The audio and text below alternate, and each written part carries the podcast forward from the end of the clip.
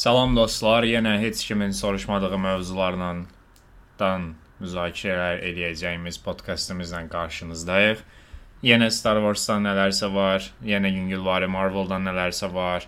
Oradan, burdan, sci-fi-dan, animedən, mangadan, komiksdən, çizgi romandan, hər yerdən nələrsə var həmişə kimi, amma heç bir şeydən tam heç nə yoxdur.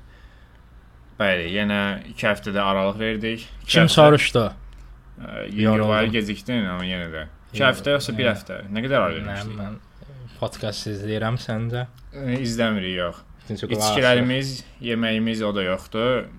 Olan sayz içkilərimiz də onunla bir yerdə hal-hazırda ümid edirəm. Qəşəng yay axşamında, axşam da deyil, açığı çox paslanmışıq. Əşyalar ona görə çox uzatmadan davam asır.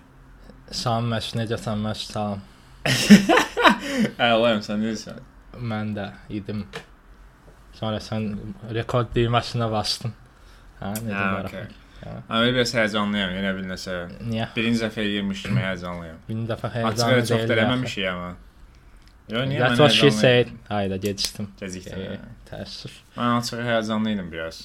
Nəysə Çox heyecanı az olsa. öldürmək üçün bu gün öl ölənlərdən danışaq. Reyliot da öldü. Çox pis öldürdü. Adam Çox Adam buna layiq deyil. Dostlar biz özümüzü tanıyandan bəri həmişə gangster olmaq istəmişik. Yox. As well as Ray Liotta kimi Goodfellas-dan. Açığı çox güman bütün Azərbaycan kino auditoriyası onu sadəcə Goodfellas-dan tanıyır. Çünki mən də elə tanıyıram və ə, fikirləşirəm ki, orta statistik Azərbaycandan daha çox kinoya baxmışam. Mən bir kinosundan tanıyıram. Bir də Arı kinosu. Hə, o da var idi. Hə, Batfella demək zarafat eləmişdilər, deyəsən. Hayır. O adam çox şey oldu son vaxtlarda. Daha yaxşı rollarda oynaya bilərdi Hətta məncə. Scorsese bu yaxınlarda açıqlama verdi çatda bu gün deyəsən. Mən onun təzədən kinoya çəkmək istəyirdim. Prosta vaxtımız alınmadı və öləndən sonra bunu etmədiyimə görə çox peşman oldum ona. Goodfellas roluna görə təşəkkür eləmək istəyirdim. Ümid eləyirəm o da bunu bilir deyə bir gözəl açıqlama. Scorsese ilə belə şeylər eşitmək adamın karyerasını pikir yəni. Və bu arada ə, açığı adamın Robert De Niro və Joe Pesci-dən qabaq ölməyi biraz interesting deyil. Onların da öləcəyini xatırlatmaq kimi bir şey olur səndə də. Ya, Onlar olsa çox adamın gözündə artıq ölüdür yəni. Hələ də sağ olmaqları biraz. Çox adam dediyim 5 nəfərdir məndə.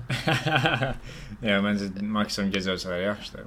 Açığı yenə kinoya çəkilsələr ümid edirəm Irishman kimi olmaz. Sən də birinci kim ölər? Hayır, e, Məncə De Niro, Pesci öləcək. De Niro birinci. yoxsa Al Pacino. Pesci. Pesci yox, De Niro yoxsa. Al Pacino. Pacino öləcək tez. Mən də Pacino da tam ölməyəcəkmiş kimi bilirəm. Ölsə sanki narkotikdən Amma məncə daha çox belə düşüb. e. De Niro belə elə bir 40 yaşı var. De Niro daha Azər orta statistik Azərbaycanın yaşlı kişisinə. Ay sağ ol. Al Pacino çox çöküb. Al Pacino e. şeydir belə enerjik qoca dayı. də ekstravagant adamdır axı. Ola bilər. Arınca təxmin edir. Reyliyat da getdi onsuz da. Açıq heç kim onu gözləmirdi, siyahıya daxil deyildi. Yəni Peşi birinci gedər, sonra Al Pacino, sonra Robert De Niro deyirəm. mən də De Niro, Pesci. Mən də Pesci hamısını q- axıra saxlayacaqmışını istəyirəm. Onda o tip var elə.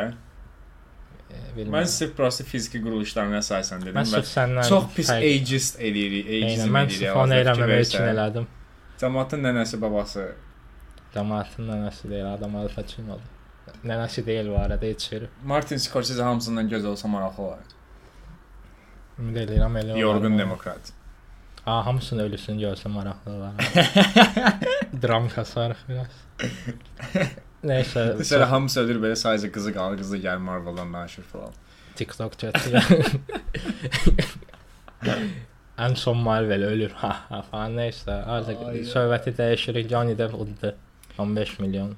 John Depp, açığı mən heç gözləmirdim belə, çünki bu defamation, yəni nə deyirlər? Yəni udulması mümkün olmayan defin şeyə iftira. İftira, ayso. İftira. Məsələləri özü qadın eləyibsə, yəni demək olar ki, mümkün deyil onu udmaq. Çünki çox həssas məsələləri var. bir Seksist yerdə məşruq. belə udus yox.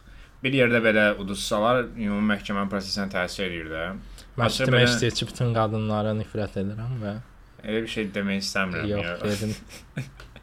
Ə, ona görə heç gözləmirdim açıq, amma odanda şey oldum belə. Dedim, göşə, əla.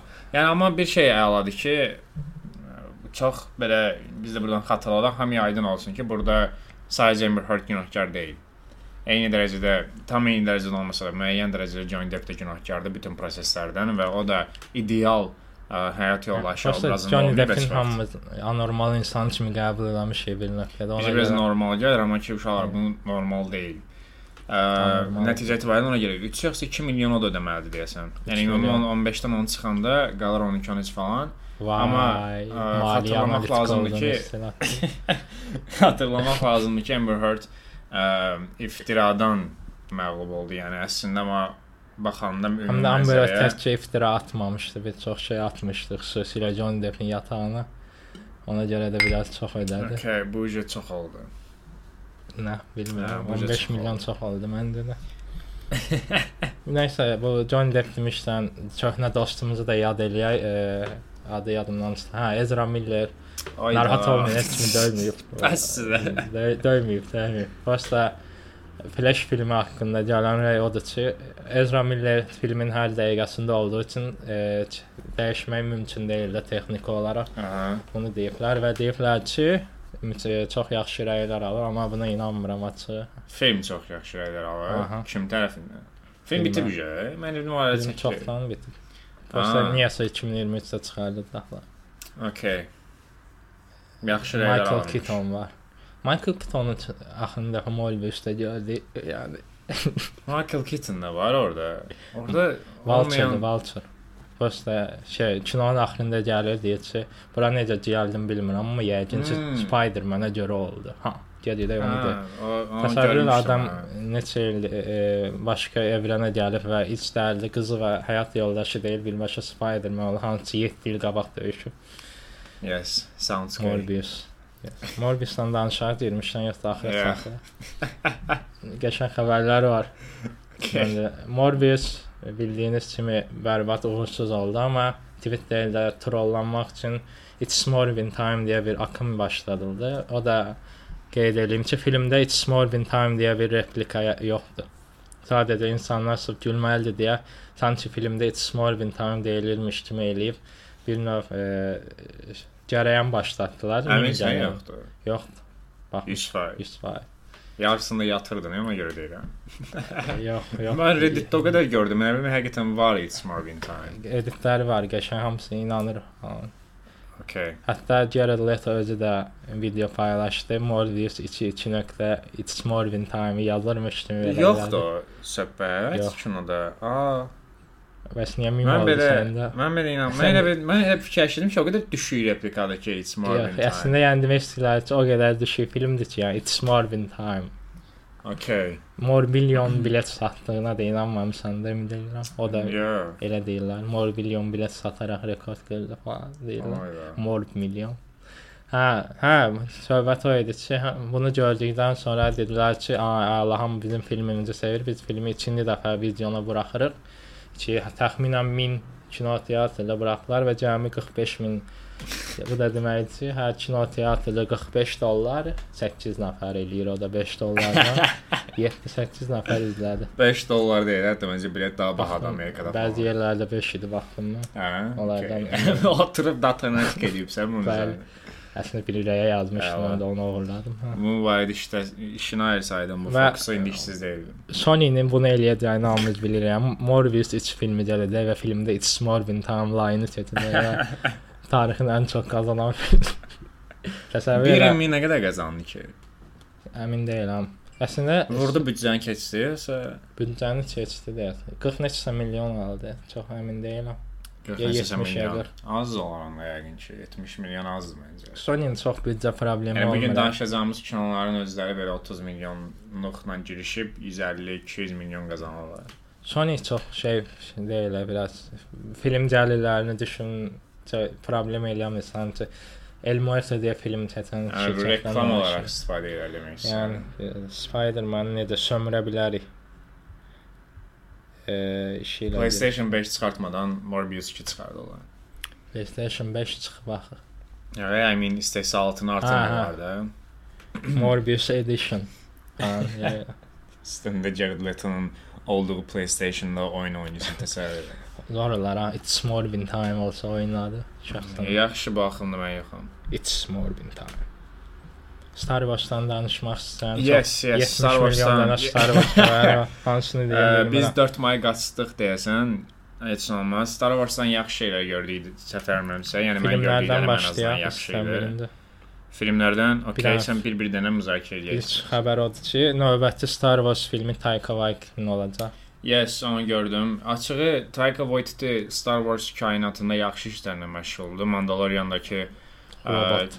Ən sən 11. son epizodu ilə səfər almıramsa, onun rejissoru idi və həmçinin ilə o 8011 idi, 80 Aha, 80 11, 80 idi. Bu 11. ikisindən birini canlandırmışdı. 11. Yəni Taika Waititi bir rejissor olaraq həqiqətən unikal rejissordur. Sadəcə indi ona qarşı dəxilsiz bir nifrət var bu Thor Ragnarokdan falan bağlı, amma ki məncə fərqli bir rəngi qatmışdı deyə kifayət qədər yaxşı. Star Wars-a hakimdir həm də.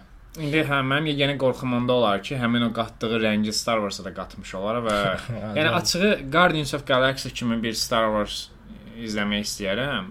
Ə, və yaxud da nə bilim, Thor Ragnarok kimi Star Wars. elə ona da gəlirdim. Thor Ragnarok kimi də izləmək istəyirəm. Sadəcə burada məsələ bilsən nədir? Bizim aslında indiyə qədər izlədiyimiz Star Wars-lar bir növ ə, elə idi. Yəni biz hələ ki o istədiyimiz ə, kainatın ağırlığını, hekayələrin ağırlığını tam verə biləcək Star Wars əsəri görə bilmirik ki, bunun kino bir də, biraz toxunacağıq bu mövzuya. Ə, çox səthi yanaşmalar var ümumi bütün kainata və bu məni çox narahat edir. Müəyyən oyunlarda, treylerlərdə, seriallarda falan bəzi səhnələrdə falan bu səthi yanaşmalardan qaldırılır. Məsələn, ə, Clone Wars-un sən sezonu çox yaxşıdır. Filmlərdə də bəzi səhnələr var ki, idealdır, amma ümumiyyətlə son bu bir ara bir anime anime serialı çıxmışdı Star Wars-un. Oradakı yanaşma, Oyunları da iki epizoddan çox başqa digər yanaşmalar heç xoşuma gəlməmişdi. Amma köhnə oyunlarda var bəli, adı yadımdan çıxdı. Knights, Jedi Star Wars. Belə bir şey. Köhnə oyunlar bilirlər adətən Star Wars Knight. fanları söhbət nədən gedir. Onlarda ciddi yanaşma o bütün tam ə, necə deyim, tam dəyərində layiqincə materialın dadını çıxara biləcəyimiz şeylər olur bəzən Star Wars-da. Amma çox nadirən olur deyə istərsiniz bizi narahat edən Ola bilər. Yəni Taika evet, Waititi ilə bağlı yeganə narahatçılığım da o. Amma yoxsa belə okeydir. Gecənin narahatçılığın haqqında yarım saat danışdım amma ona görə bilmirəm nə deyim. Çünki Star Wars-dur. Ee, ha Star Wars başqa nə var? Mandalorianın 3-cü sezonu təsdiqləndi və heyət falan açıqlandı. Çox Məmnuniyyətlə. Yəni Baş antagonist Bo-Katan olacaq. Ee, Mandalorian yaxşı ki var ya bu arada həqiqətən. Yəni bax bir serial ki, həm ə, soundtrack-ı ilə, həm personajları ilə, həm ümumiyyətlə Star Wars kainatını, Həm yəni belə Yoda. deyəcəm bunu. Eynən personajlar ilə zaten onu nəzərdə tuturdum daxilində. Yəni Star Wars kainatını dirildən serial kimi bir şeydir Mandalorian hal-hazırda. Çünki bu sonuncu trilogiyadan sonra artıq o qədər belə insanlar yorulmuşdular bütün bu vəziyyətdən. Mandalorian və Star Wars ə, Clone Wars-ın sən sezonu ilə bir yerdə ə, sanki bütün Star Wars kainatı yenidən, yəni daha doğrusu kainatının fanları yenidən xatırladılar ki, hə biz Star Wars-da əsas nəyi bəyənirdik. Yəni bunu Mandalorian xatırlatması həqiqətən çox xoşdur. Bəli, e, Mandalorian'da keçdi, qaldı nə? Obi-Wan deyəsən. Obi-Wan, Obi-Wan ilə danışaq. Danışma. Bitdi sən- xəbərlər. Yox, mən də Star Wars girmişdən Obi-Wan-dan danışdım. Okay. Arada pozultu olmasın.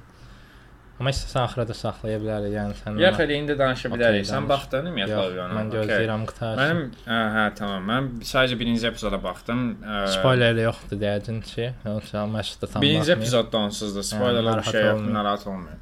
Sadəcə da epizodun, yəni birinci epizoddur deyə epizodik şeylər haqqında danışmayacağam. Ümumi ə, bütün layoutdan danışacağam. Bax, yeganə mənim bir problemim var. Sənin əlində Obi-Wan Kenobi kimi möhtəşəm bir personaj var. Hansı ki bu personaja illərini sən investisiya edibsən bütün seriallarında, filmlərində və s. Və həmin personaj o qədər sevilir fanlar tərəfindən, o qədər məşhurdur ki, yəni və çox böyük bir tragediya var da arxasında ki, bunun ustadının güvəndiyi biri var, Qui-Gon'dan Bəli. söhbət gedir. Sənin o ustadını yenə itirirsən. Sənin güvənərək böyütdüyün bir adamı, yəni o düşmənin tərəfə uduzursan, sonra onun tərkibində müəyyən bütün olduğun sistemin yalan olduğunu öyrənirsən. Yəni çox dəhşətli dərəcədə böyük bir tragediya var. Hətta ki bu hər bir yerdən sonra öyrənəcək ki, Darth Vader Anakindir falan. Belə şeylər də olacaq. Bu qədər tragediyanın Star Wars hal-hazırda Disney daha doğrusu o qədər ucuz istifadə edir. Yəni bax birinci serialı eliblər. Yes, birinci epizodda Obi-Wan olduğu bütün səhnələr mükəmməldir. Hətta məsəl üçün orada müəyyən yanaşmalar var ki, adamın həqiqətən PTSD-yə, yəni ki, bütün bu travmalardan sonra sahib olduğu psixoloji pozuntulara və s. şahid Yəni, olmaq onu da olar. eləsinlər də. bir Amma araya elə şeylər qatıblar belə. Bilsən elə bil ə, belə sup düzəldiblər. Deyiblər ki, hə, biz bu supu böyüklər üçün düzəldirik. Bunun dadına falan fikir verək. Sonra içinə bir iki dənə oyuncaq necə- ki, bəs yeyəndə oyuncaqda çıxsın uşaqlara da necədir? Kimsə rejissor kimdir bilmirəm. Məsələn, çəkir qoyur ki, mənim işim budur. Disney baxırdım. Hmm.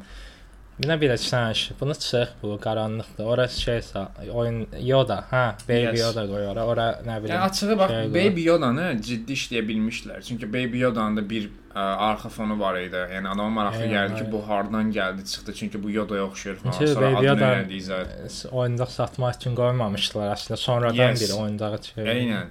Amma mən indi məsəl üçün baxıram orada Leia-nın səhnələri var, Prinses Leia-nın səhnələri var. Hansı ki ə, biz bu seriala baxırıq Kenobi-dən ötürü də. Yəni Leia-dan ötürü də baxardıq. e, Leia-nın ciddi bir hekayəsi olsaydı, bir neçə yaşında. Amma baxdığım yerdə birdən nə bilirəm belə bir səhnə oldu ki, birinci epizodda Leia-nı qaçdılar. Leia-nın qaçılma səhnəsi onsa çox belə ət tökən səhnə idi. Arxasında 4-5 nəfər qaça-qaça belə hop hop hop hop falan söhbəti gedirdi ki, ha biz uşağı tuta bildik yoxsa yox. Yəni, nişan yenə vura bilmədilər. hə? Yenə vura bilmirdilər. Aha. yox. Və tuturlar Leanı. Lea deyir, mən nə bilim eləyəm, mən beləyəm. Ha ha ha ha hi, robotlar var əlində. Bilirəm ki, robotun da oyuncağını satacaqlar.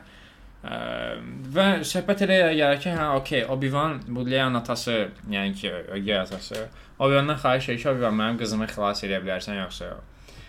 Ayda, yəni bu bu tragediyadan sizin çıxarda biləcəyiniz, illər sonra çıxarda biləcəyiniz hekayə bu oldu. Yox, bir də illərin keçməsi, yəni biraz sərbəstlik verməlidirlər, heç ayın daha işləyəsən. Eynən. Məsələn, Və buna bunu bacarırlar yəni, əslində. ən pis nümunəni göstərəcəm. Yəni No Way Home-da belə Toby ilə Andrew-nun hekayəsində o görüşdülər üçü bir yerdə. Orada belə dramanı necə yaxşı qoydular yadındadır. Yəni pis nümunədir ha bu. Yaxşı nümunə deyil. Prosta yenə orada belə var idi. Çünki Aha. Arxada fanların illərlik təcrübəsi var, e, sevgi var, e, nostalji var və s. və Və Obi-Wanın personajının özünə qayıdaq.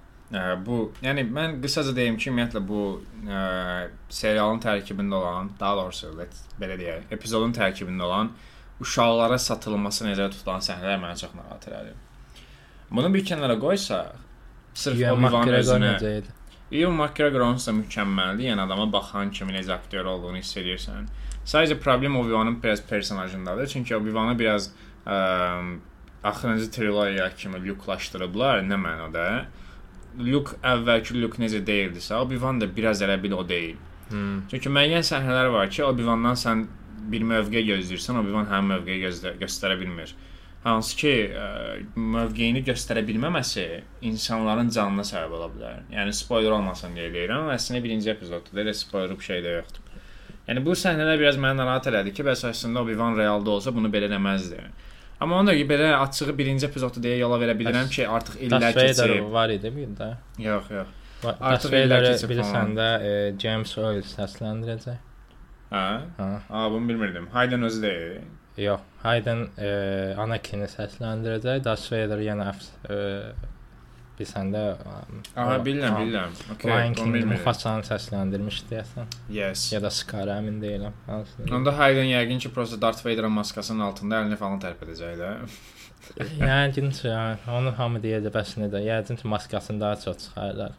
Böyük. Mən deyirəm çıxartmaz Boba Fett-in vəziyyətinə dönəcək. Mən Darth Vader-ı maskasız görmək istəmirəm yəni. Düz əslində sifəti iyrəncdir özdə. Ya iyrənclikdən alma. Yəni bu maskanın maska olmasının səbəbi odur ki, maska ilə mən- da bu personajlar. Boba Fett-in maskasını niyə çıxardırsan? Hansı 4 6-cı filmdə, yəni 3-cü filmdə o maskanı çıxardandan sonra bütün coolluğu getmişdi. Hələ də gözümün qabağına gəlir o belə ağzına protez varmış kimi. Birinci Yəni, vaxtda mən yıkılır. yəni. Hələ onun üzərinə nə qədər effektlərlə falan sonradan. I am işləyirlər. your father'dan bir anda. Look, dan diye. Orada biraz hayal qırıqlığı yaşamışdım uşaq. Yəni Obi-Wandan belə yekunlaşdırsaq deyə bilərəm ki, birinci epizod ə, yəni başlanğıc olaraq okeydir deyək. Müəyyən uşaq məsələlərini yola vermək olar. Çünki bilirsən necə, bu ümumi serialdan sonra daha çox aydın olası məsələlərdir. İndi birinci epizoda görə belə danışmaq belə düzgün deyil əslində.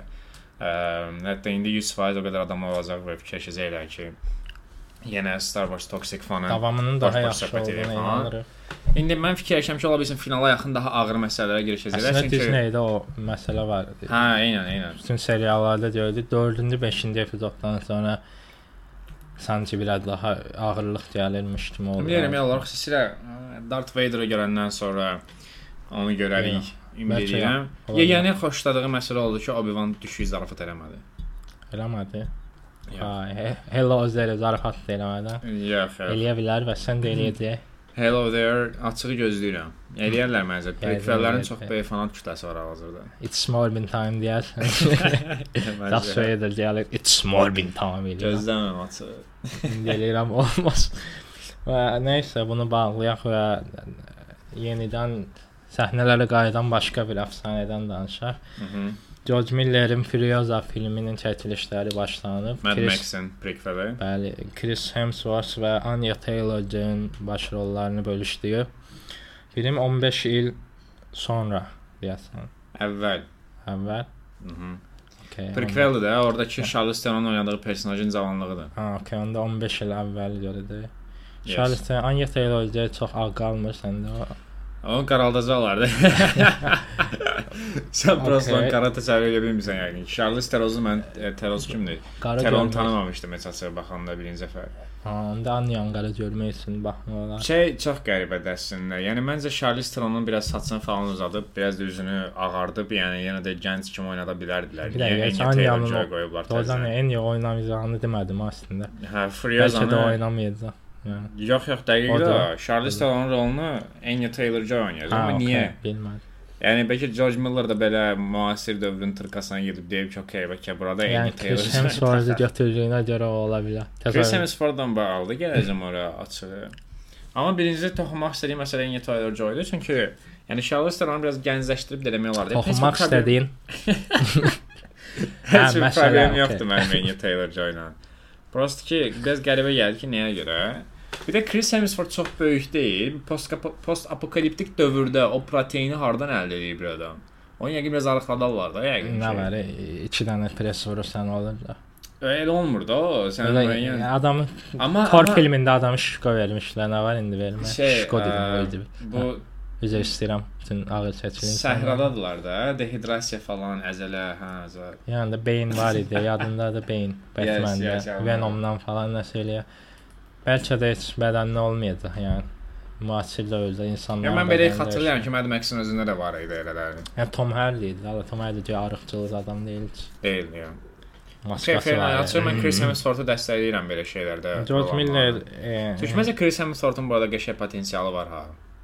şey kimi tam necə deyim o Tom Cruise-un e, biraz aşağı versiyası Hə. ola bilər. Bəzi Biraz çox yaş- şablon rollara salırlar istərsənməz və çox böyük ehtimalla Tom qəşəng Cruise pul rollarına verirlər. deyə. salırlar da yəni. Extraction-a baxmışdın sən? Yenə Russa qardaşlar. Elə belə səhnələrinə bax. Hə, orada da baş. Suyun altında meditasiya falan eləyirdi. Eynən, eynən. Tam Tom Cruise səhnəsi. Biraz da Tom Cruise deyib. Gedim baxım etap. Ha, Tom Cruise-a baxdım mən. Beyin. Hmm. Adı nə idi ki? Maverick idi. ha, e, Top Gun Top Gun Maverick. Maverick. Yəni birinci filmə baxmışdın sən. Yox. Ki, sən bir yerdə baxım. Əslində olar, yaxşı olar hətta. Çünki bir davamın əslində hekayəsi klassik Amerikan əsəri hekayəsidir, yəni. Spoiler verməyəcəm qətiyyən. Birinci Hamısı Top Gun ölür falan. haqqında. Birincisi, birinci tam Amerikan əsəri, çox ilinə görə də çox klişedir, biraz solunur o. Yəni bir dənə qadın var, bir dənə Mən var. xoşuma gəlir. Neçənci illərdə o? 80-lər 86 olmalı. O o klişe biraz xoşuma gəlir. Amma amma klişəni qırağa qoyacağam. Heç ay onsuz da əsas satdığı şeydən danışım. Texniki cəhətdən ilk film də yaxşı idi. Yəni uçmaq falan da, samolyotçu da, pilot da adam. İkinci film çox pilotluq baxımından yəni qüsursuzdur. Yəni deyəsən özü də Konkret texnologiyalar. Tom Cruise özü də şeydir. Mən bilən pilotluq lisenziyaları falan var. Yəqin ki özü də sürüb Keçən mən bir videosunu gördüm. Binadan binaya atlanır ayağı və qırılır. ayağı dəyər, eynən ayağı qırılır. Yəni, Qırılmasına baxmayaraq durur, hərəkət edir. yəni. Adam biz Scientology falan filan belə xoşumuza gəlmir. Açığı mən hələ də Tom Cruise-u bəyənmirəm, onsuz da bu Scientology söhbətlərinə görə. mən bunu qəşəngdim və biri yazmışdı ki, rəy olaraq mən deyil, bu rəy, qəşəng rəydir deyə deyirəm.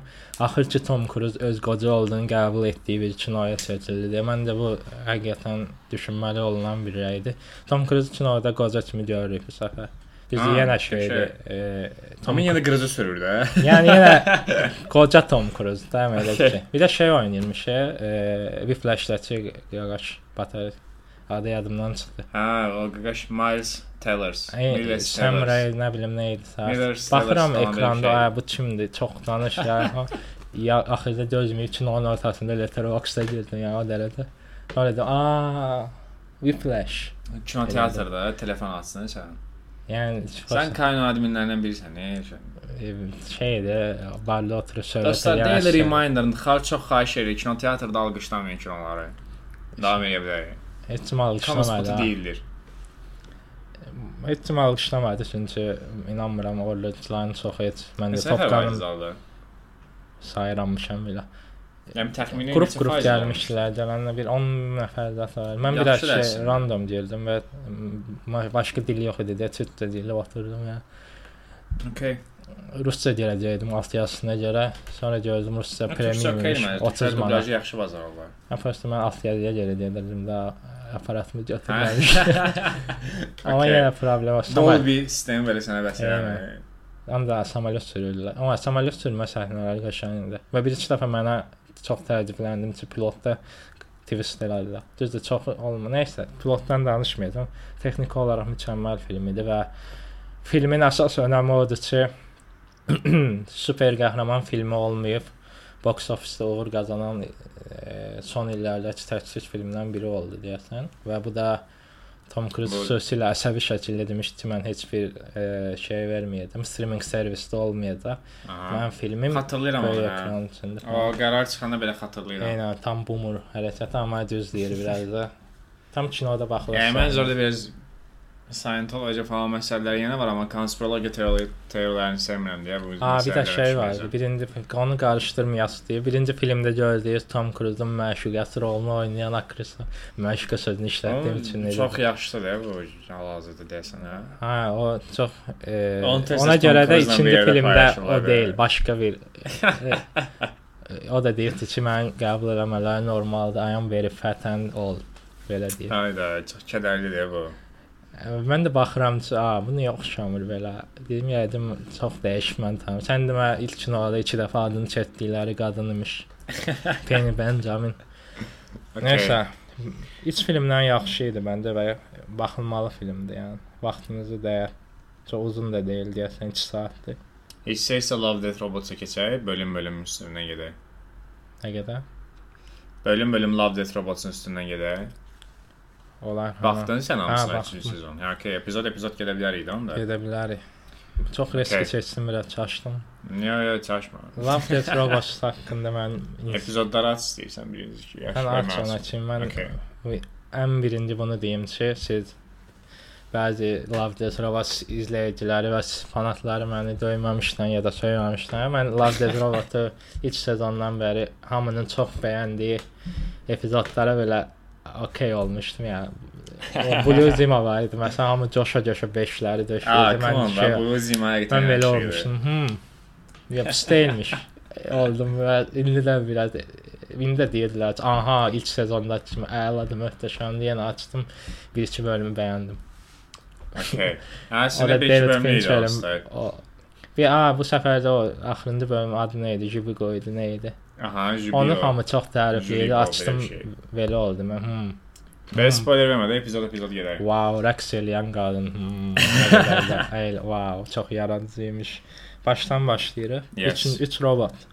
3 Üç robot. robot açığı, bilmirəm birinci sezondan yadında deyirsə. Yadımda Birinci sezonda deyil, həqiqətən çox fərqli bir konsept. Eynən, mən onu çox Eynən, sevmişdim. apokalipsisdə baş verən hadisələrə robotlar reaksiya verirdilər, amma 3-cü sezonda o qədər bunu belə Şey elədilər, idi, social ha, cəmiyyətin eynən və nə çox bilim, rednecklər elə, tək qaylar belə, axırda da Elon Musk falan çox bayağı elədilər, çox Çox bayağı ətim elədilər. töküldü. Yəni buna ehtiyac yox idi həqiqətən. İnsanlar bir-birlərini sevmirlər və pulu çox sevirlər.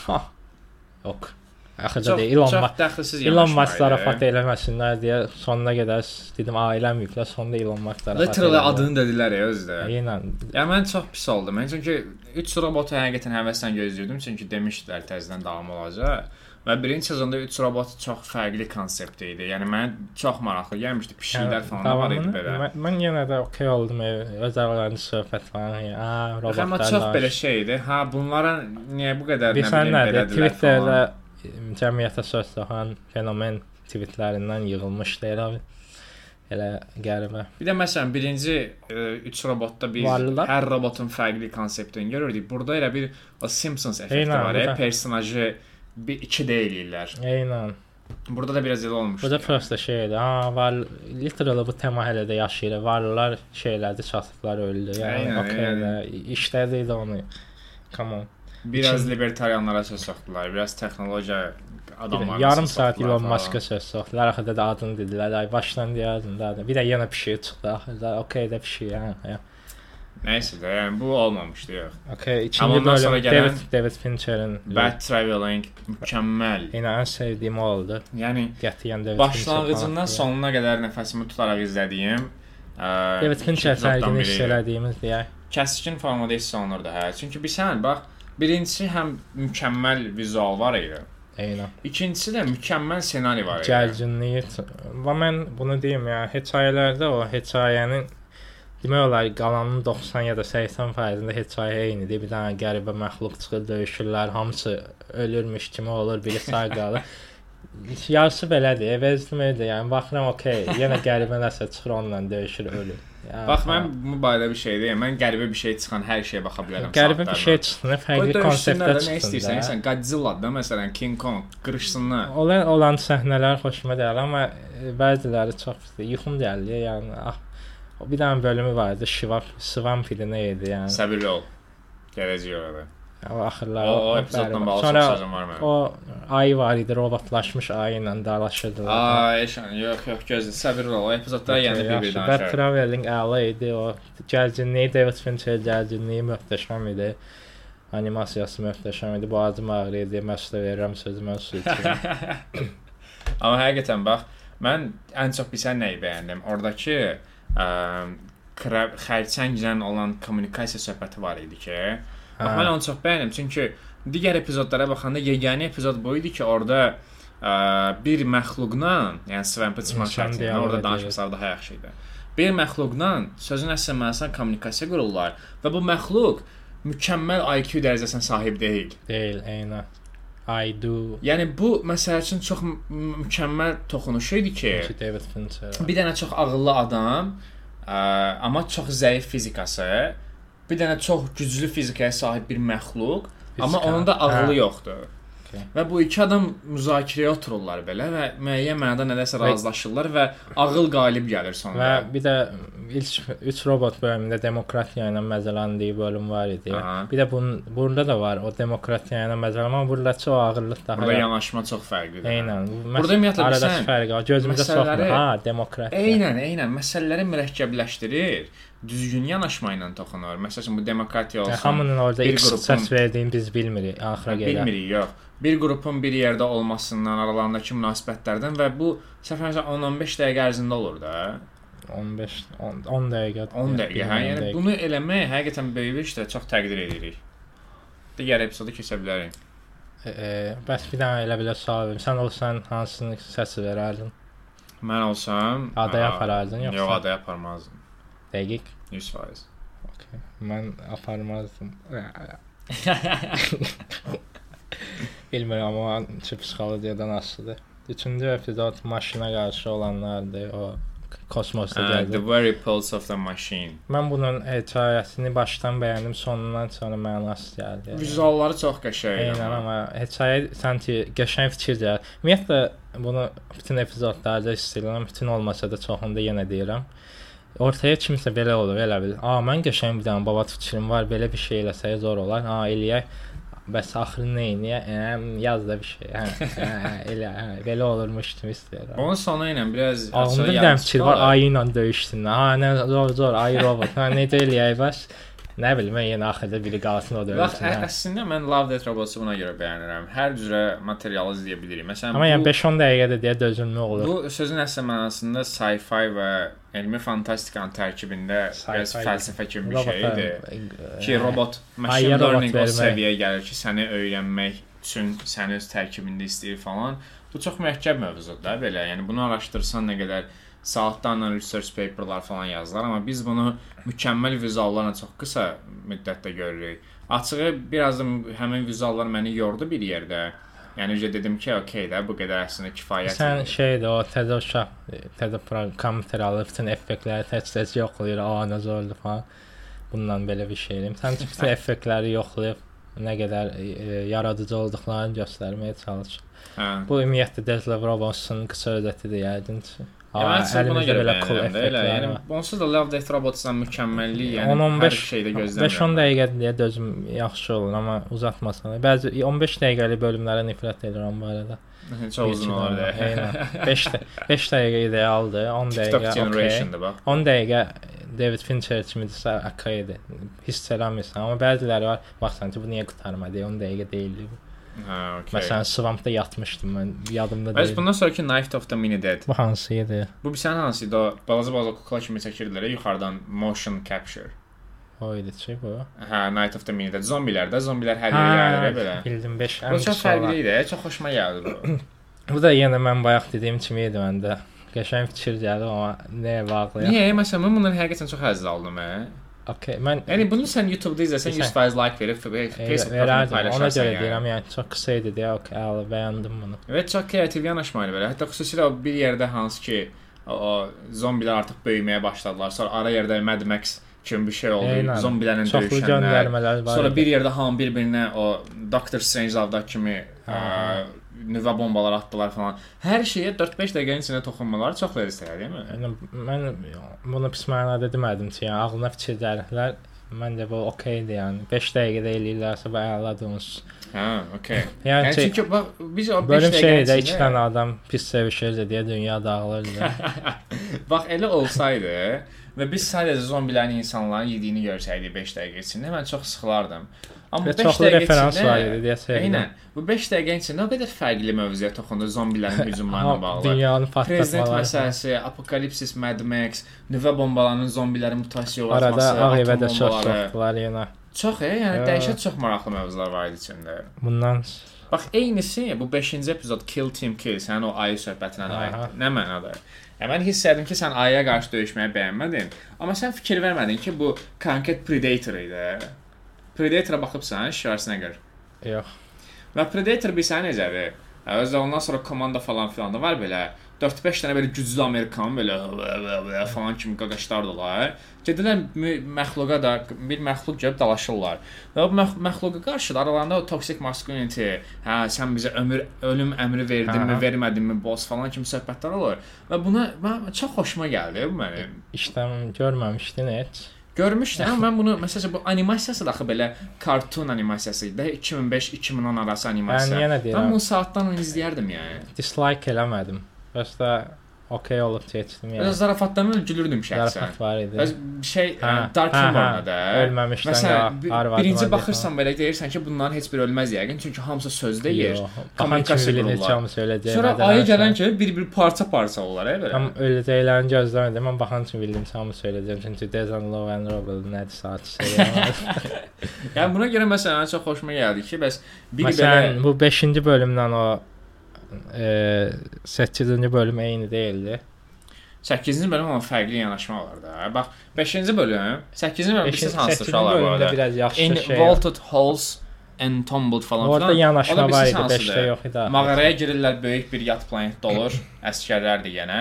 Biri ayıya qarşıdır, biri ağıllı bir yat planetləyə qarşıdır. Bax, bu ayıya qarşı olanda biz ə, cringe American şeyləri görürük. Biraz ilə Əskərlər bandanaları falan var, birinin üzərində skret maskası var falan filan. Belə çox belə 5 şeydir. də, bilsən nəyə ucuz. hatırladı? Steam-də endirimdə arada alıram 1-2 dollara. Eynən, indi oyunlar oynayıram falan. 8-ci amma 8-ci kino çıxar. Nə, maraqsızdır. Yəni Bilmirəm. konkret bir yat planetdir. dünyanı ele keçirməyə çalışır və əsgərlər bunu təsadüfən görürlər. Dövlət insanların normal bürokratiyası buna tab Prosta gətirə bilmir. işləyiş Çünki şəkli bir-birlərinə- çox eyni gəldi deyə bilirdi. Dedim, okey də bildik. Kimsə ölür. Açığı mən rəylər gördüm ki, ancaq bu əsgər dramalardır falan Aynen. Love Death Robots-sa. Bezdim. Amma yenə də fərqlidir də, çünki bax əsgər dramaları 5-ci epizodda bu ayıya qarşı olanda 8-in çox axırında belə gülməli kimi göstərir. 8-in axırında başa düşmədim. Deyəsən gözü falan Qız tabe oldu da. Bəs niyə gözünü Dözə bilmədi. Nə, bir Bəs tər qız o niyə məsələdir də. qaçmaq yerinə 5 dənə gülləsi ilə vurub mallıq eləyir? Hara qaçsın? E? Arxasında axı mağara tutum tutulmuşdu. Nə, nə bilim mən. Yəni qaça bilmirdi yəni. Yəni Yəni 8 onsuz da Aliens idi. Alien yox Aliens. İkinci Alien filmi var. E. O konkret o idi yəni. Çünki gedirlər və insanların bürokratiyası, yat planetlərin o anarxiyasına qarşı tab gətirə bilmir, uduzurlar falan. Hə, 5 onu- amma çox belə 5 ucuz komediya. eynən ki, prosta e, mən deyən kimi də elə, a, qəşəng fikir var biraz. Hətta mən bu ayını daha çox bəyəndim. Nəinki o 8-ci epizoddakı böyük o ağıllı yat planetini yəni. Mən Mən də ümumiyyətlə bu ağıllı yat mən- planetdə söhbəti görə mənə çox ucuz mən gəldi. də Bezdim aya daha çox əylənmişdim. Nə oldu? Hər yoldan keçsin yat planetdə bizdən ağıllı oldu yəni. Ağıllı idi ki. Ha, ağıllı idi, hamısını ələ keçirdi. İndi keçək bax bu konkret burdan biz forma keçə bilərik 6-cı epizoda. Altın yatmışdım mən deyə tam yadımda. Orada nə oldu? Bildim o. Və hər şeydən var. Orada niyə sevişmə səhnəsi var idi? Eynən orada yatdım. Sən çox Dur, çox risk belə arxasında nəsə qurulmamış, prosta durduq yerdə hamı deyə. Falan elədi. Çox belə şablon idi. Bir dənə ə, kolon, kolon insanlar təkmilləşiblər. Interesim bir dənə koloniya görürlər. Ondan ə, Yəqin ki- imperialistik məqsədlərlə istifadə etmək istəyirlər. Sonra. Sonra o sevişmə baxışım dəxilsiz. Sonra həmin o imperialistik məqsəddən yanaşdıqları 15 yaşlı açıklı qaqaş oturup bunları bizi seviştir o zaman baxın. Ədə iki dənə belə tək qal bax. Adəm Həvva zat. Özü də oxşuyurlar da belə. Saqqal zad da artır elə. Hə, gedirlər yat planetdən yanına yat planetdə də daha ağıllı çıxır falan. Da bu mənim çox çox nə şablondur. olmuşdu ki, bir dənə yadıma sal da. Heç Axırında ya- yatmışam, təmiz yatmışam. Axırında prosta bir sənə öz oldu, şey oldu. Yat planetdə bunlara dedi ki, ağıllı olun, bu da dedi ki, okey. Hə. yəni bizdən istifadə edə bilməzsiniz söhbəti. 7-ci bölümü çox bəyəndim. Mən çox bəyəndim. 7 hə. Bax, görsən minimalist mövzu necə möhtəşəm nəticə yaradır. Eynən. Və Konkret həm təkə bu söhbət siçanlardan gedir bu arada, siçanların üsyan eləməyə yəni, falan. bu bölüm hamısı Məncə bu daha heyvanlara qarşı bəyəndim. münasibətimizlə falan bağlı söhbət idi biraz. Yüngülvari belə sub mesaj Pişik var idi ki, məsələn. Ə, yox, amma demirəm. Yəni demək istəyirdilər ki, yəni ə, heyvan şovul falan da olsa belə siz ondan empatiya qura bilərsiniz də. Ondan empatiya qurmaq Savul üçün da olsa insan insandır. qayıtmalı deyirlər yəni. Bu arada heyvanla empatiya da biraz qəribə oldu. Savul Amma da yəni- olsa canlı canlıdır. Onu da Allah yaradır. Məhz bunu demək istəyirəm. Yox, onu demək istəmirdim yəni. Nihat Hatipoğlu canlı yayınında bağlanacaq bilərsən. Amma çox fərqli idi. Məsələn, mən o epizoddan çox həzz aldım. İstəyirəm kaş biraz da davam Yenə edəydi. sonluğu da yaxşı və sonu da var idi. Yəni maraqlı idi. Gəl. Hə, və sürp falan. Bir sən bir də belə karikatura kimi yanaşmışdılar hər səhnəyə. Eynən bir şey var idi o e, təslim olan insana belə öldürməz. Öyle gözlədim, oldu olacaq. Nəsə olmadı. baxır bu- belə. Bu pozitivliyin içində, yəni biz burada istərsəmiz siçanlarla, siçanlarla empatiya qururuq da. Bu pozitivliyin tərkibində yenə də biz siçanların falan ölümünü görürdük. Məsələn, bu mənim çox xoşuma gəlmişdi. Yəni insanlar ölümünü görmür. Parça parça. Gətirib qabağına baş qoydular. Mən televizorda baxırdım, arada anam keçdi baxdı. İyi, elədi. Mən televizora baxıram. Love Death Robotsa baxdım. Bəzi bölümlər olur ki, deyəsən Love başçı mən belə analiz edirəm, bəyənib bəyənmədim. Bölüm qutaranda pis oluramsa, a qutardı, deməli yaxşıdır. Axır ki qutardı okey. deyirəmsə, deməli pisdir. Okay, Və bu yaxşı yanaşma. Bu məndə cəmi 2 bölümdə ya 3 bölümdə oldu. Biri David Fincher, biri də bu oldu deyəsən. Aha. Və ə, Bad Traveling-dən, yəni bizim favoritimizdən sonra ən çox bəyənilən epizod Jibaro. Jibaro ilə bağlı müəyyən mən yaradıcı idi deyə səs eləməyədim. Onlardan əvvəl ə, bunun müəllifi Alberto Michaliko'dur deyəsən. bundan qabaq hansınsa Həmin bu Alberto ə, birinci epizod, birinci sezondakı mən mənim bəyəndiyim epizodun Witness-ın müəllifidir. Və bu istərsəməz öz stilistika, stilistikası ilə fərqlənən adamdır yəni.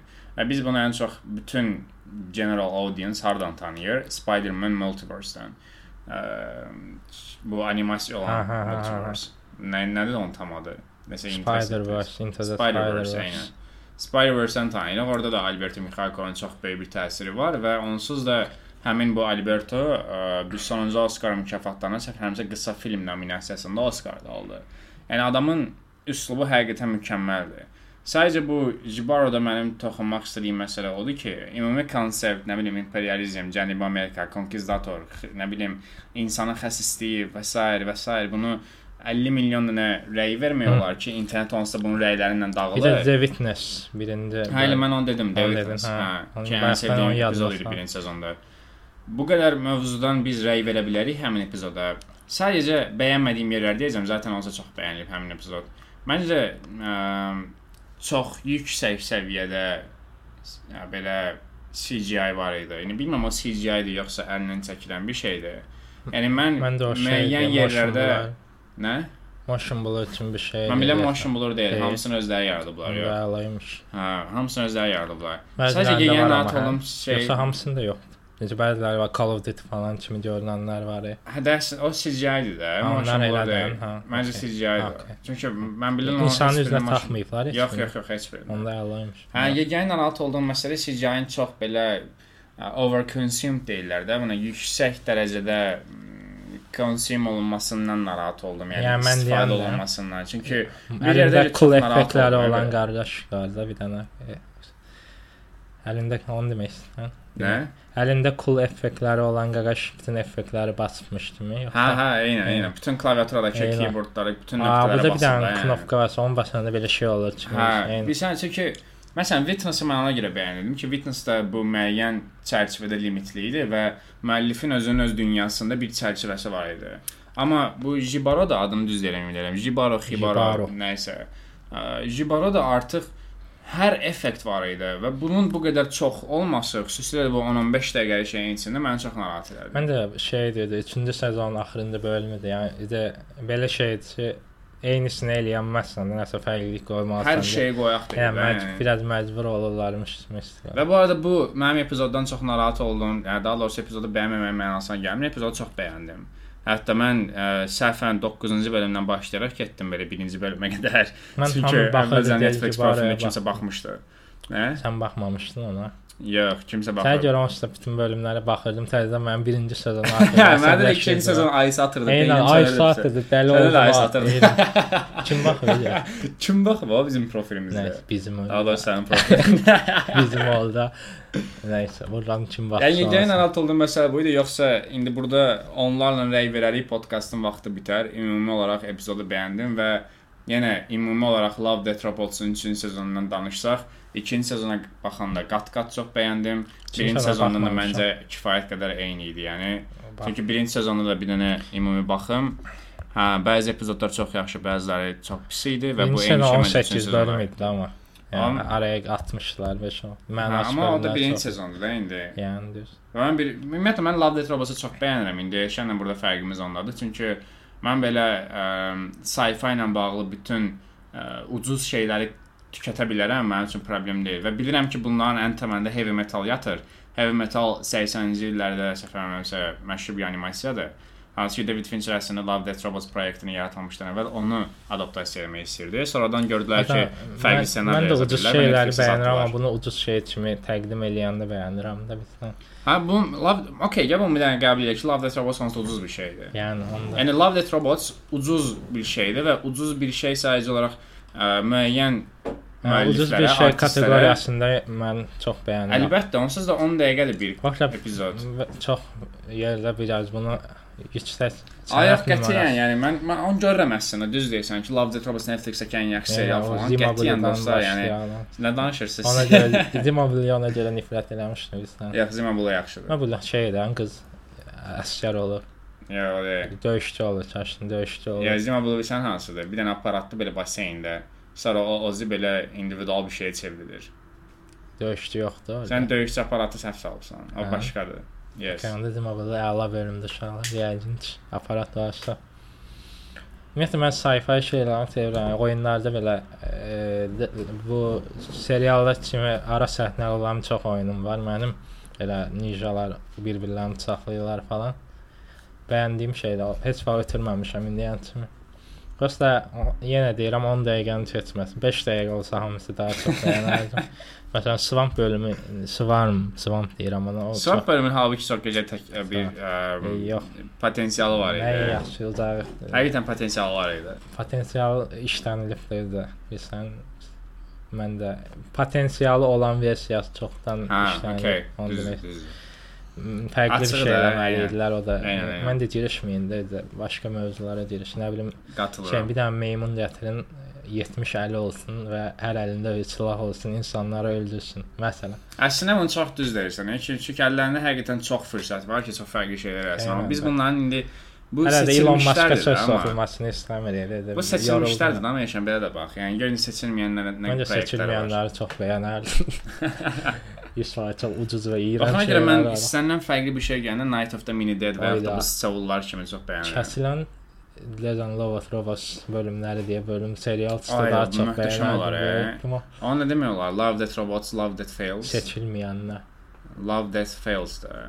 Ya da Failures. faili niyə dəyişdirdin? Robot onu açıq da Failed edition falan.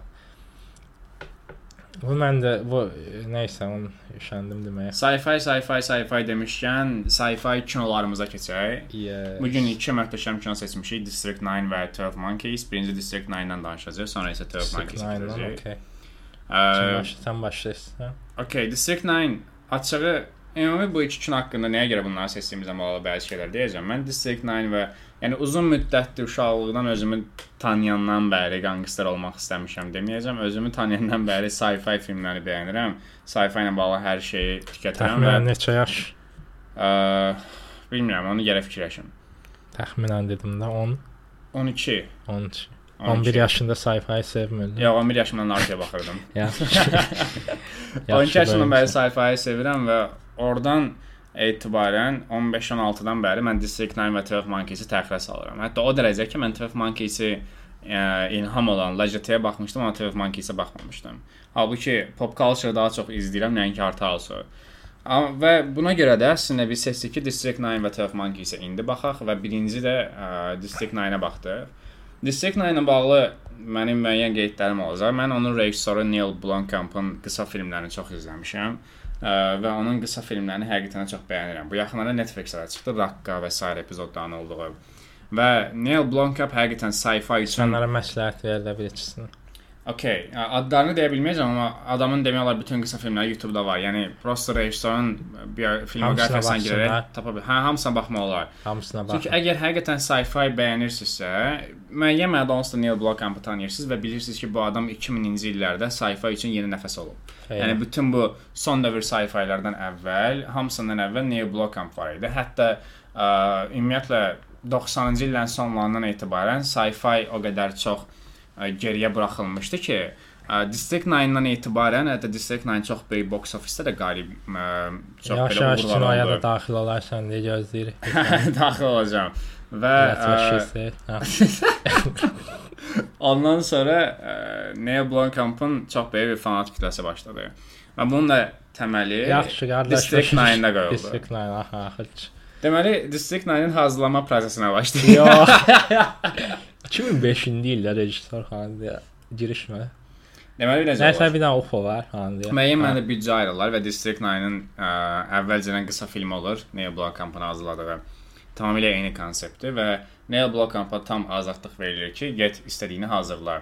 Neil Blomkamp isə uşaqlıqda Cənubi Afrika Respublikasında yaşayıb müəyyən bir müddət və oradakı apartheid, iqçilik, seqreqasiya, gettolarda insanların yaşayışı, ümumi deportasiyalar, nə bilim, qaradərili insanların ağdərlilər tərəfindən məruz qaldığı iqçiliklər falan hamısına şahid olur.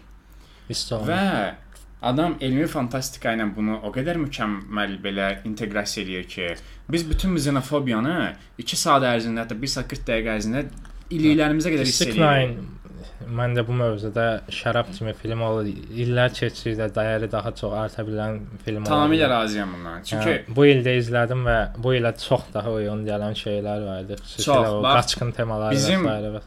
E, mən bu mövzuya toxunacağım yaşam möhtəşəm bir qapı açsın həqiqətən.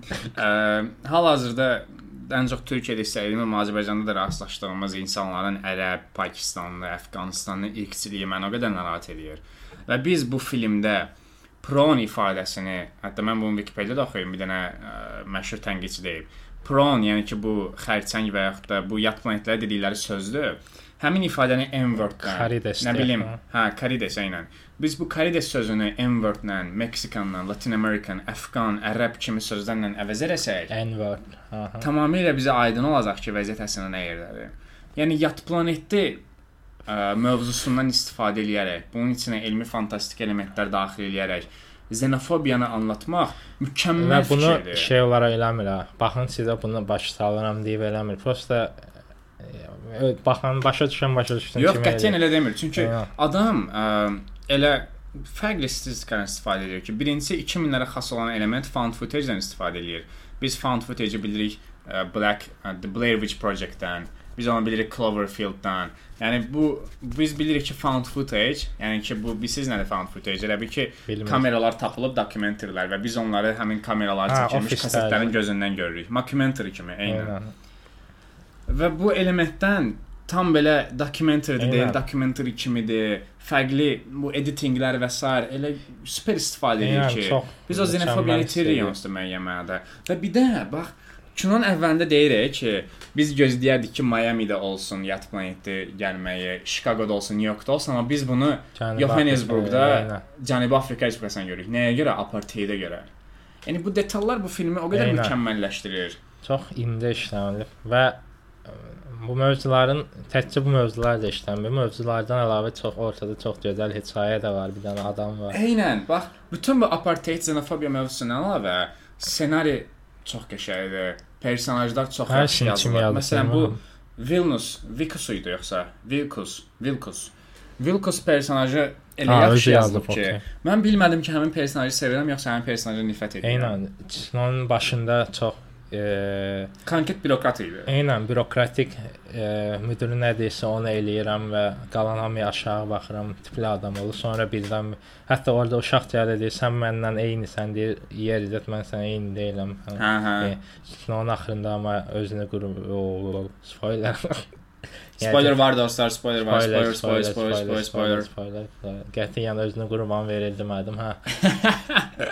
Son sonda o bir yad planetlərin özünü qaldırması üçün özünü qurban verməsi, oradan ora keçid biz görürük bunu hər günbə-gün görürük. Orada yazır. durduq yerdə olmur. Edirik. saat sonra keçir, tez-tez qeyd eləyirlər və bunu yəni Doktor Sen də gəl deyə durduq yerə sən eləyə bilərsən deyir və birdən-birə eləyə bilir. Bu da olmur. Yəni adamın qolunun e, zibillənməyə başlayır. Və hər şey görür ya, telefona görürük. uğurlamasından o 24 Eynən. saat ərzində adamın bütün Dokumentari tərcihini qoymaqlarının ən böyük üstünlüyü o idi, elə deyəsən, yəqin. bütün detalları hər birini çatdırır və müəyyən mənada içində drama görürük, müəyyən mənada action var, müəyyən mənada sevgi var. Bütün elementlərdən ailə draması var. Sonra bir bürokratiyaya çox qəşəng ilişirlər yenə. Hə, bax biz bu qədər xenofobiyadan falan danışdıq.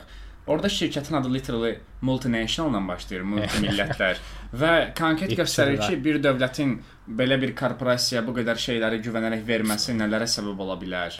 Yəni arxa fondakı araşdırmalar və s. adamlar ufaları götürüb e, deneylərdə istifadə eləyirlər və s. və adam bunu bilmirmiş, görəndən sonra fikri dəyişir. Məsələn, onu görəndən sonra əslində bir növ onlara daha yaxın olur və s. Sonra UFO əslində onu eləmək istəmir, görəndə ki, öz xalqına zülm eləyirlər, ondan sonra intiqam almaq istəyir. Deyəsən. E, bu, Ya, hə, intiqam elədir, almaq elədir. xilas edir. Bir növ elədir, hə. Bu 100 dəqiqə ərzində o qədər şey görürük və hətta bilsən, bax mən birincidən fikirləşirdim ki, kino başlayanda bu pronları elə göstərirlər ki, sanki pronlar tupoydular. Bilmirəm. Və amma şəhərin üstündə nə boyda gəmi var. Mən Mən- özümə deyirdim ki, ala bunlar tupoydularsa bu gəmini kim sürür? Eynən. Və bu bizə nə? silahlarını ancaq özləri işlədə bilir. Hə, silahları. Və bu bizə bilsən nə verir? Bax sən istənilən bir mükəmməl zəkalı milləti götürüb bir gettoya salsan, heç bir onları sosial infrastrukturla təmin eləməsən, sadəcə belə daşdan, qayadan evlərin içinə salsan, taxtadan, dəmirdən. Onlar onsuz da orada full potensiallarını göstərə bilməzlər və orada yaranacaq kriminalistika, orada yaranacaq nə bilim, təcavüz, orada yaranacaq hər cür ağlımıza gələcək pis bir şey. Hə. Amma nəticə etibarilə bu pronlar, bu yad planetlər, o gəmini yaradan insanlardır və onların içindən təbii ki, yenə bir nəfər çıxıb yenə də o gəmiyə qayıda bilir. şey Yəni də- bu bizim insanların konkret E, insanların şey millətçiliyindən o qədər sındırır. Üsyan çıxır orada. Bunları öz planetlərinə qaytarın, istəmirik orada an kimi. Yəni bu tamamilə xenofobiyadır onsuz da. Və bu Yəni, xenofobiyanı çox qəşəng Bildiyim o göstərir. şeydir. Türkiyə və Suriyalılar təmasının eyni fərqi yoxdur. Hə, yəni, bax bu qətiyyən bu məsələdə mən çox narahat oluram. Məsələn, mən Twitter falan 2009-dan bu film. əvvəl sildim. Hə. 2009-dan hansısa mövzu var idi o tərz. Yəni Yox, qətiyyən. Sadəcə ondan bir neçə il əvvəl, hətta bir 10 il falan əvvəl Cənubi Afrika Respublikasında olan 2009-da belə hadisələr var. film yazmaq da yəni. Hə də sonsuzdur ya bu film. Yəni hər nə vaxt açıb baxsan, aktualdır. Və bir daha deyirəm, bunu gözümüzə soxmur. Ortada çox mükəmməl hekayə var onsuz. Ya da. bunu qətiyyən onsuz da kino bitməm, kino bitdikdən sonra hətta mənim elə dostlarım var ki, prosta deyirlər ki, hə, sci-fi falan qəşəngdir. Heç, heç yəni. kim o xenofobiya məsələsinə ilişməyə də bilər. Sadəcə müəyyən bir fərqli bir perspektiv lazımdır ki, orada Yəni. həmin o məsələni görə biləsən. IQ-nuz 2 rəqəmlidirsə, yəqin siz eləyəsiniz. Yəni bax, sci-fi əslində hə. elmi fantastika buna görə çox sevirəm mən. Elmi fantastikada o qədər yəni elm mükəmməl fantastikada bu mövzular müəyyən qədər rast gəlinir. Hə, və çox rast gəlinir. Yat planeti mövzusundan klişe istifadə edənlər də var. Amma Yəni, məsəl üçün Paul yaşıl, kimi hə. onunla düzgün əlaqə quranlar da var. District 9 kimi tamamilə fərqli bir çərçivədə göstərənlər var. Yəni də yat planetdə ya insanın çox yaxın dostu olur ya da insanlığı yox eləmək istəyir mövzusu daha çox işlənilib. Bir də bu filmdə onu tamamilə fərqli görür. Çünki yat planetlərin kökünü araşdır, bizə göstərmirlər. Ancaq filmin sonlarında biraz çox az görürük onda ki, yəni deyir mən dünyama gedəcəm falan filan. Və yenə də heç bir açıqlama vermir, çünki dokumentari kimi verir bizə. Aha. Biz nə biliriksə onlar da o qədər bilir kimi. District 10 çıxası idi hətta danışırdılar Hə, onun üstünə. Gözlə, amma o- ora gəlməmişdən əvvəl bunun ə, filmin yeganə bəyənmədiyim detallarını Aha. deyəcəm. Sən dediklərinə görə çox az verirsən, 3.5 verirsən, onu deyəcəyəm. Əslində burada həmin o məsələ rol oynayır nəyə görə? Filmin 3-cü hissəsi sırf actiondır. Zor deyil. Yəni orada partlayış, bombalar, güllələnmələr falan. Yəni bu bu qədər mürəkkəb mövzuya sanki daha belə dərin yanaşa bilərdilər Arrival-da da yanaşıldığı də şey kimi. olub, yəni e, verib bəli filmi deyib bu nədir? Yox, mən ona da baxdım. Sci-fi də action. Mən var. ona da baxdım. Neil Blomkamp deyə bilər ki, get nə edirsən elə. o O özü qəsdən action da salıb yəni. effektli qaqaş sindramına girib ola bilər. Ala bilər. hə. Çünki Amma mən bəyəndim oraları. film bir sənə necə gəlir? Mən bəyəndim. e. Niyə? Niyə bilmirəm. Tam biraz əsəbləşmişdim ki, bu bu şərəfsiz polis var idi, o niyə ölmürlər? Sonra birdən Hə. belə göydən Hə robot düşdü və hər şey Məsələn, o- güllələnir falan. Həmin o komandir olmaya da bilərdi və yaxud da yat planetlərlə kommunikasiyaya girməyə cəhd oluna bilərdi. Daha fərqli çözüm yolları axtarıla bilərdi. Amma ki birbaşa bu actiona qayıtmaq. Əslində O- action-da Klişe komandir idi o komandir. Yəni bir a şey səması var idi. İki Qara çar komandir. dəlli ilə ağ da, e, bürokratların savaşı da çıxdı ortada. Ha o Fugishiva Mugishivanın axırda satması falan qəşəng detallar idi məncə. Amma bu məsəl üçün həmin o action səhnələri çox 2D idi və çox klişe. Amma idi. 2009 deyə mən də 2009-da baxsam belə fikirləşməyə bilərdim bəlkə də bilmirəm. Bəlkə də ola bilər, amma nəzərə al ki, yəni ondan əvvəl Alien var idi də. Alien var. Terminator var idi. Yəni bu kimi filmlər var idi yəni əslində. Yox. Yəni yenə də məsələn Yaxşı, 2000-ci onların illərdə eləmədiyini elə demirəm. Prosta o vaxtda akım yaranmışdı. 2000-ci illərdə yox idi əslində sci-fi. Bu, bu cəhətdən düz deyirsən. Amma yenə də o action hissəsi çox böyük bir rol oynayır filmdə. Məncə Və çox mənim Mənə okey gəldi. Niyə bilmirəm. Prosta məndə biraz filmdə hərəkətlilik olması pis deyildi yəni. Okay. Amma mən daha belə potensial gözləyirdim ki, Arrival olsun. Bayaqdan La- da- Lavend Desirovat da sevmədim, Shaver da sevməyim. Nə bilim. Mən prosta şey görürəm də. Ona görə deyirəm, xoşlayıram mən. Yaxşı çay verir, arada bir adamı ölsün. Hə, bilsən balans olsun da. Okay. Sıxılmayaq da birazdan. Bilirsən Sən necə mən amma orada sıxıldım da. Şey olur belə çox ağır dərs keçirsən, keçsən, sonra 5-10 dəqiqəlik fasilə olur, müəllim dayanmadan boş-boş zarafat eləyir. Bax, elə bir şey kimi də. Hə, okay. Bir balans, biraz beynin açılsın, hə, sonra yemək. elə də- dəhşətli dərəcədə qəliz mövzu da deyil. Məsələn, Big Short Big Short-da okeydir, çünki maliyyənin ixtisaslaşmış hissələrini Margot Robbie Eynən. hamamda uzanıb danışırdı. Bu okeydir, Vallahi. amma burada elə mürəkkəb mövzu da yox idi axı. Məndə şey də deyil, yəni filmdən qopardacaq qədər də deyildi. Amma hərənin öz fikri var. Və sənin fikrin Zövqlər müxtəlifdir. və sənin zövqün pisdir, mesajı. daha yaxşıdır. Ümumi olaraq District 9 barədə qısaca desək, bəyəndik açığı, çox bəyəndik. District Mən 9 bəyəndim. yəni mənim ə, Son bu neçə üç vaxt nöqtə yaxşı film izləmirəm. obyektiv olaraq qeyd olunub ə, mənim verdiyim səs. Amma belə fikirləşəndə gəlib onu 4 eləyə bilərəm hər an. Amma yenə də District 9-ı çox bəyəndim. Yəni Toxunduğum 4 verdiyim filmlərə baxanda bəyəndim. Okay. Desək o birinə 12 Monkeys. 10 kimi, 10 bəli. Yes, sən burada Axı- startı sən elə. 10 nə? Startı sən elə də burada birinci mən Okay. Elə. Kinonun mən məşq kimi kinonun təməllərindən girişməyəcəm. Mən daha mənasız detallarla girəcəm. Məsələn, bunu demək istəyirəm ki, özünü yaxşı aktyor kimi sübut eləmək istəyən aktyorların hamısı minimum bir dənə dəli rolu olmalıdır.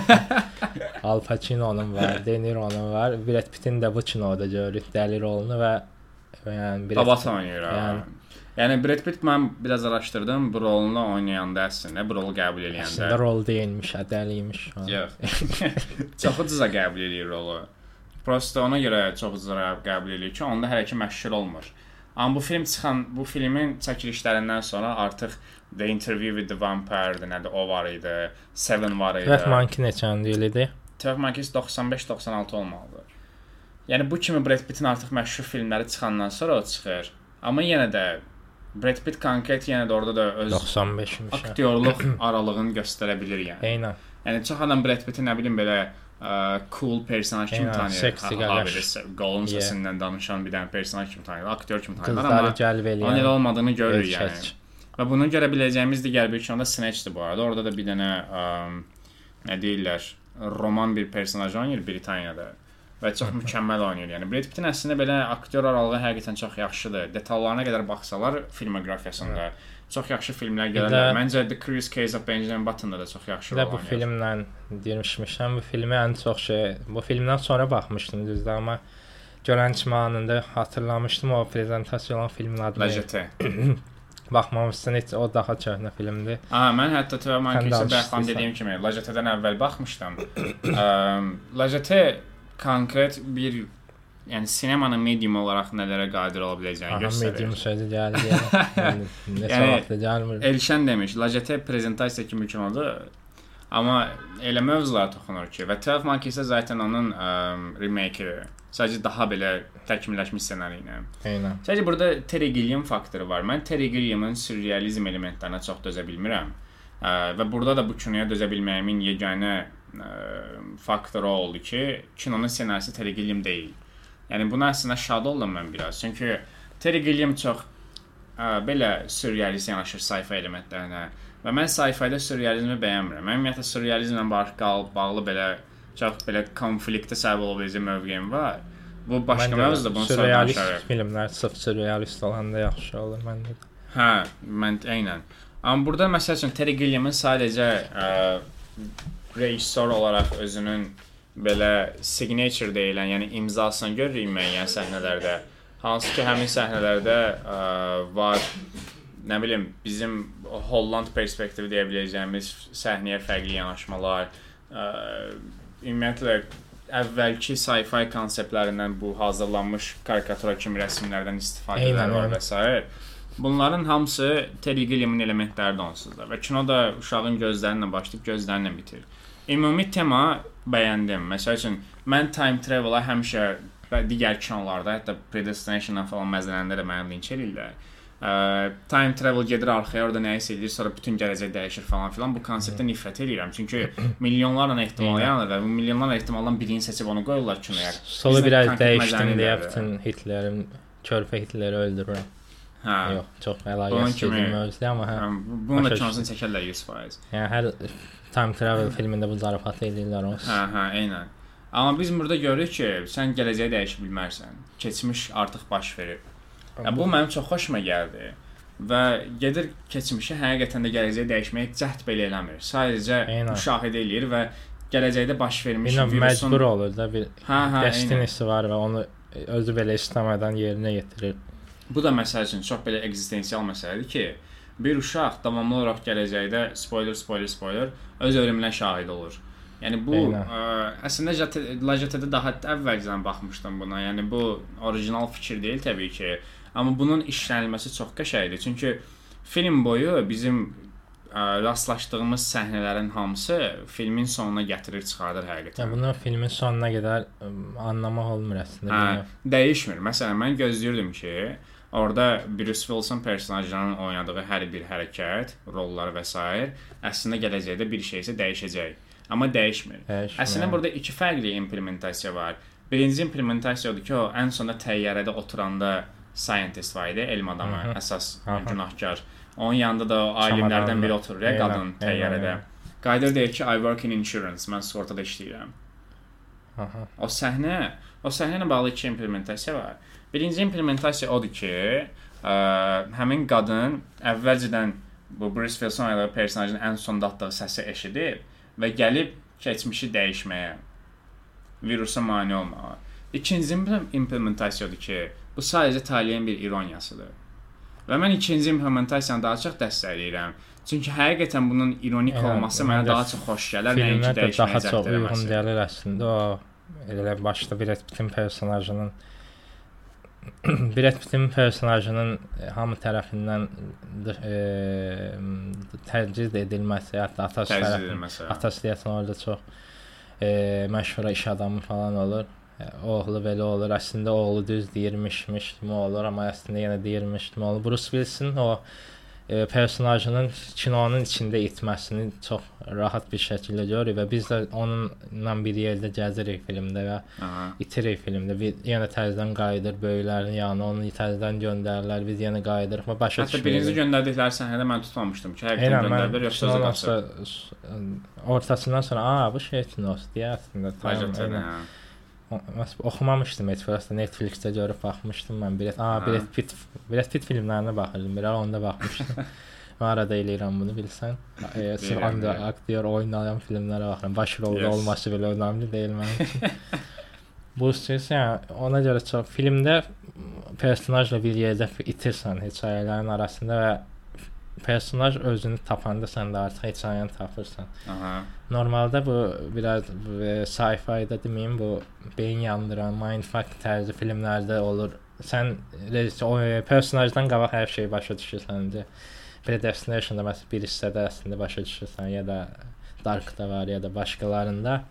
Bu filmdə onu görmədim. Mən sonda belə tam anlamırsan film qurtaranda desən, "A, Aha. a bu şey." Mən şey Jet-ya da sonradan baxmışdım deyə laf biraz. Və səncə axırda psixiatrist xoşbəxt olur yoxsa kədərli olur? O mimikasını da tutmaq olmur ya belə. Eynən. Mən də onu bilərək elə eliflər ki, başa düşmüyor. Məncə kədərli olur, çünki baxır belə fərqinə varır ki, hə bu davamlı olaraq öz ölümünə şahid olmuş də- deyə xatirə kimi yadındadır. Mən də o O anlıq başa düşür də vəziyyəti. məndə də elə olur çünki e, hardansa tanış gəldi amma tam olaraq hatırlamıram deyə. Bəlkə kim- elə. Yox, məndə o deyildi, bəlkə də o idi. Ay əslində. Lacetənin sonu məni çox pis vurmuşdu. Kaş bu kinoya birinci baxardım, sonra Lacetəyə baxardım. Yəni prezentasiya filmində o twisti görmək qəribə oldu. slide slide film baxsam belə yəni. O film də şey 12 Monkeys Mən slide orada- versiyası demişdim. Və o prezentasiyada Lacetədə birinci baxanda deyirdim, alıb mən niyə baxıram da? Burada çünki mən Yəni- 12 Monkeys-ə baxmamışdım. İlk dəqiqələrdə prosto deyirdim ki, bu konkret slide show-dur da. Sonra ən sondakı səhnəni görəndə vuruldum belə ki, ay zibil, kaş mən buna birinci səhnədən diqqətlə baxardım. İndi mən həm oradan spoil oldum, həm gəldim 12 Monkeys-ə baxanda spoil oldum. Yəni konkret bu konsepti itirdim də boş yerə. Ola bilər bu da biraz Yəni buna çox peşmanam ya hal-hazırda ki, mən bu qədər 95 şey film itirməliydim. idi özdə. Niyə bu qədər gec baxmış onu da sorğulaya bilər ya. Mən əslində danışdım da, sən deyirsən mənə qulaq asmırdın, nəyə görə bu ikisini gecikdirmişəm. Yoxsa beynimdə danışdım, danışmamışam. Mən eşitmədim, bilmirəm. Danış Okay, mən bunları baxım. prosta ona görə baxmamışdım ki, ümid edirəm danışmamışam. Əvvəlcə danışmışsan yadıma düşəcək gözlədin. Masa Uşaqlıqdan bırakmışdım qulaq asmışdım. Uşaqlıqdan etibarən District 9 və 12 Monkeys mənə çox uzaq gəlirdi. Bilmirəm nəyə görə. Çünki Yəni, he- heç uşaqlıq biri falan dedin, böyük ha, bir bir ara. franchise deyil deyə.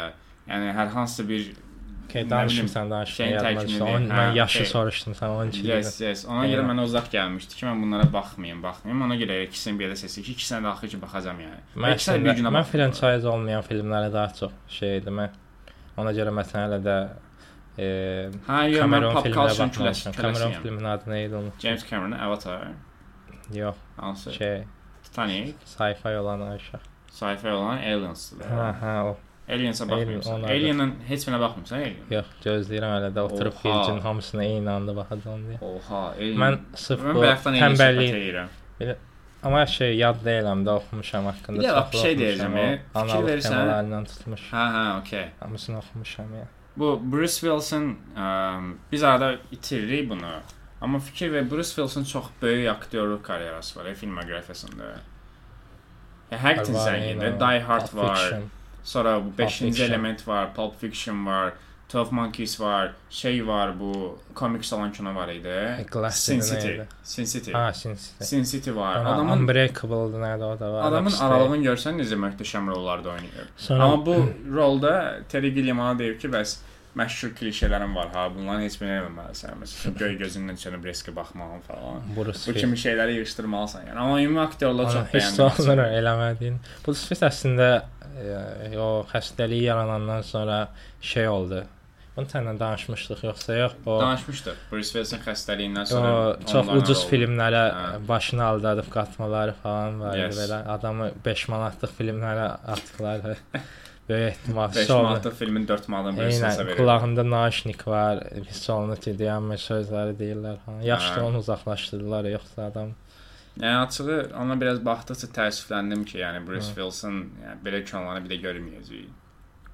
O biraz yəni böyük bir səhifənin sonudur da. Nəysə onun kimi belə bu tip aktyor çoxdur çəfələ. Çox iyrənc insana dönüşərmiş. Tom Cruise nə vaxt səndə dəli olar?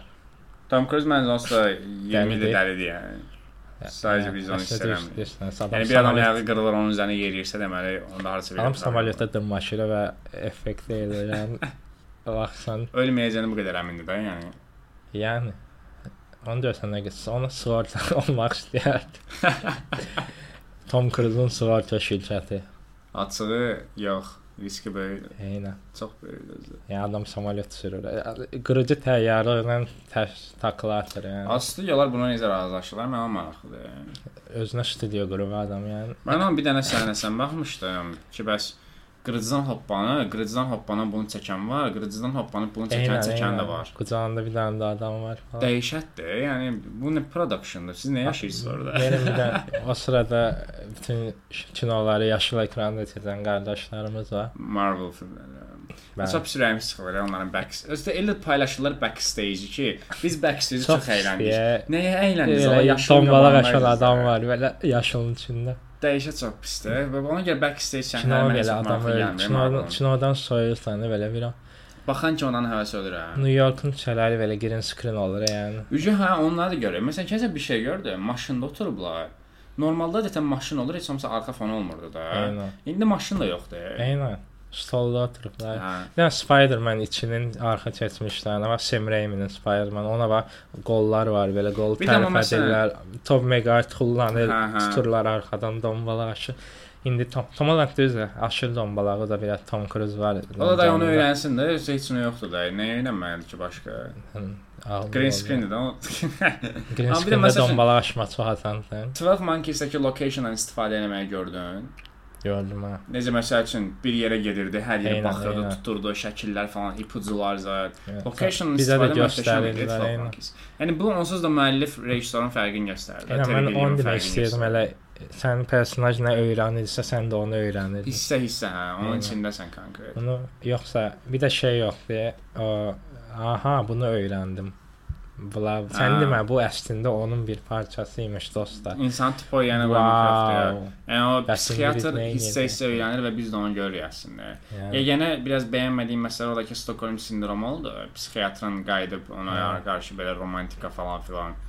Açıq orada da əslində bunu müzakirə edirlər. Otururlar polis buna qayıdır deyir ki, nə oldu sizin kimi psixiatrlar həmişə belə ə, interesli qatillərin tərəfini tuturlar falan. Bu da deyir ki, onlar prosta bunun fərqində deyillər. Ona görə onların tərəfindəyik falan. bəli, bəli. Belə bir söhbət olur. Bu söhbət olmasa vəbşəm pis olacaqdım ki, bəs Gilliam niyə Stockholm sindromu eləyirsən? Açığı mən buna dostlarımla bir yerdə baxdım belə.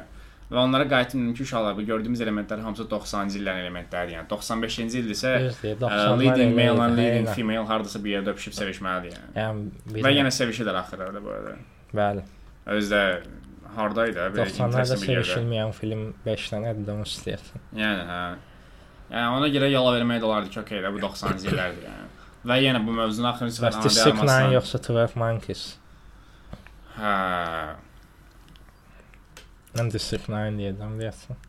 Yəni orijinallığına görə District 9, 12 amma Monkeys ümumi bir film olaraq 12 Monkeys.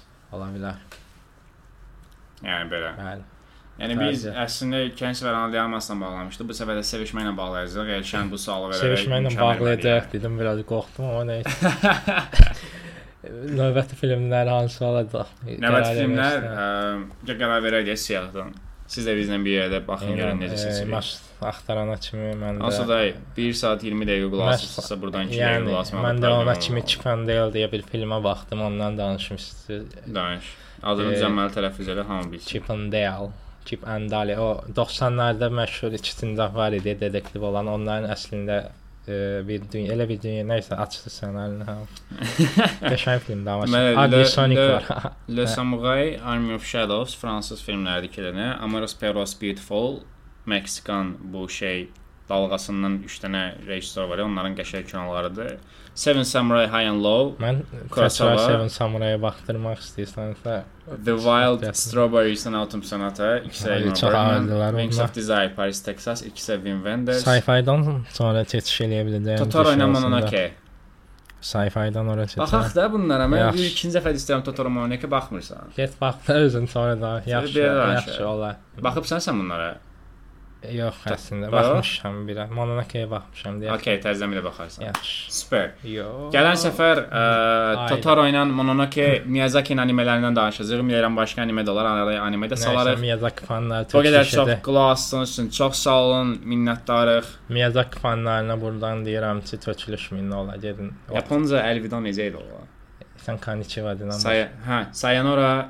Sayan konnichiwa e, Ay, anime səhv dedin, səhv e, dedin. spagetti. İtalyan da oldu. Neyse. Canavarı.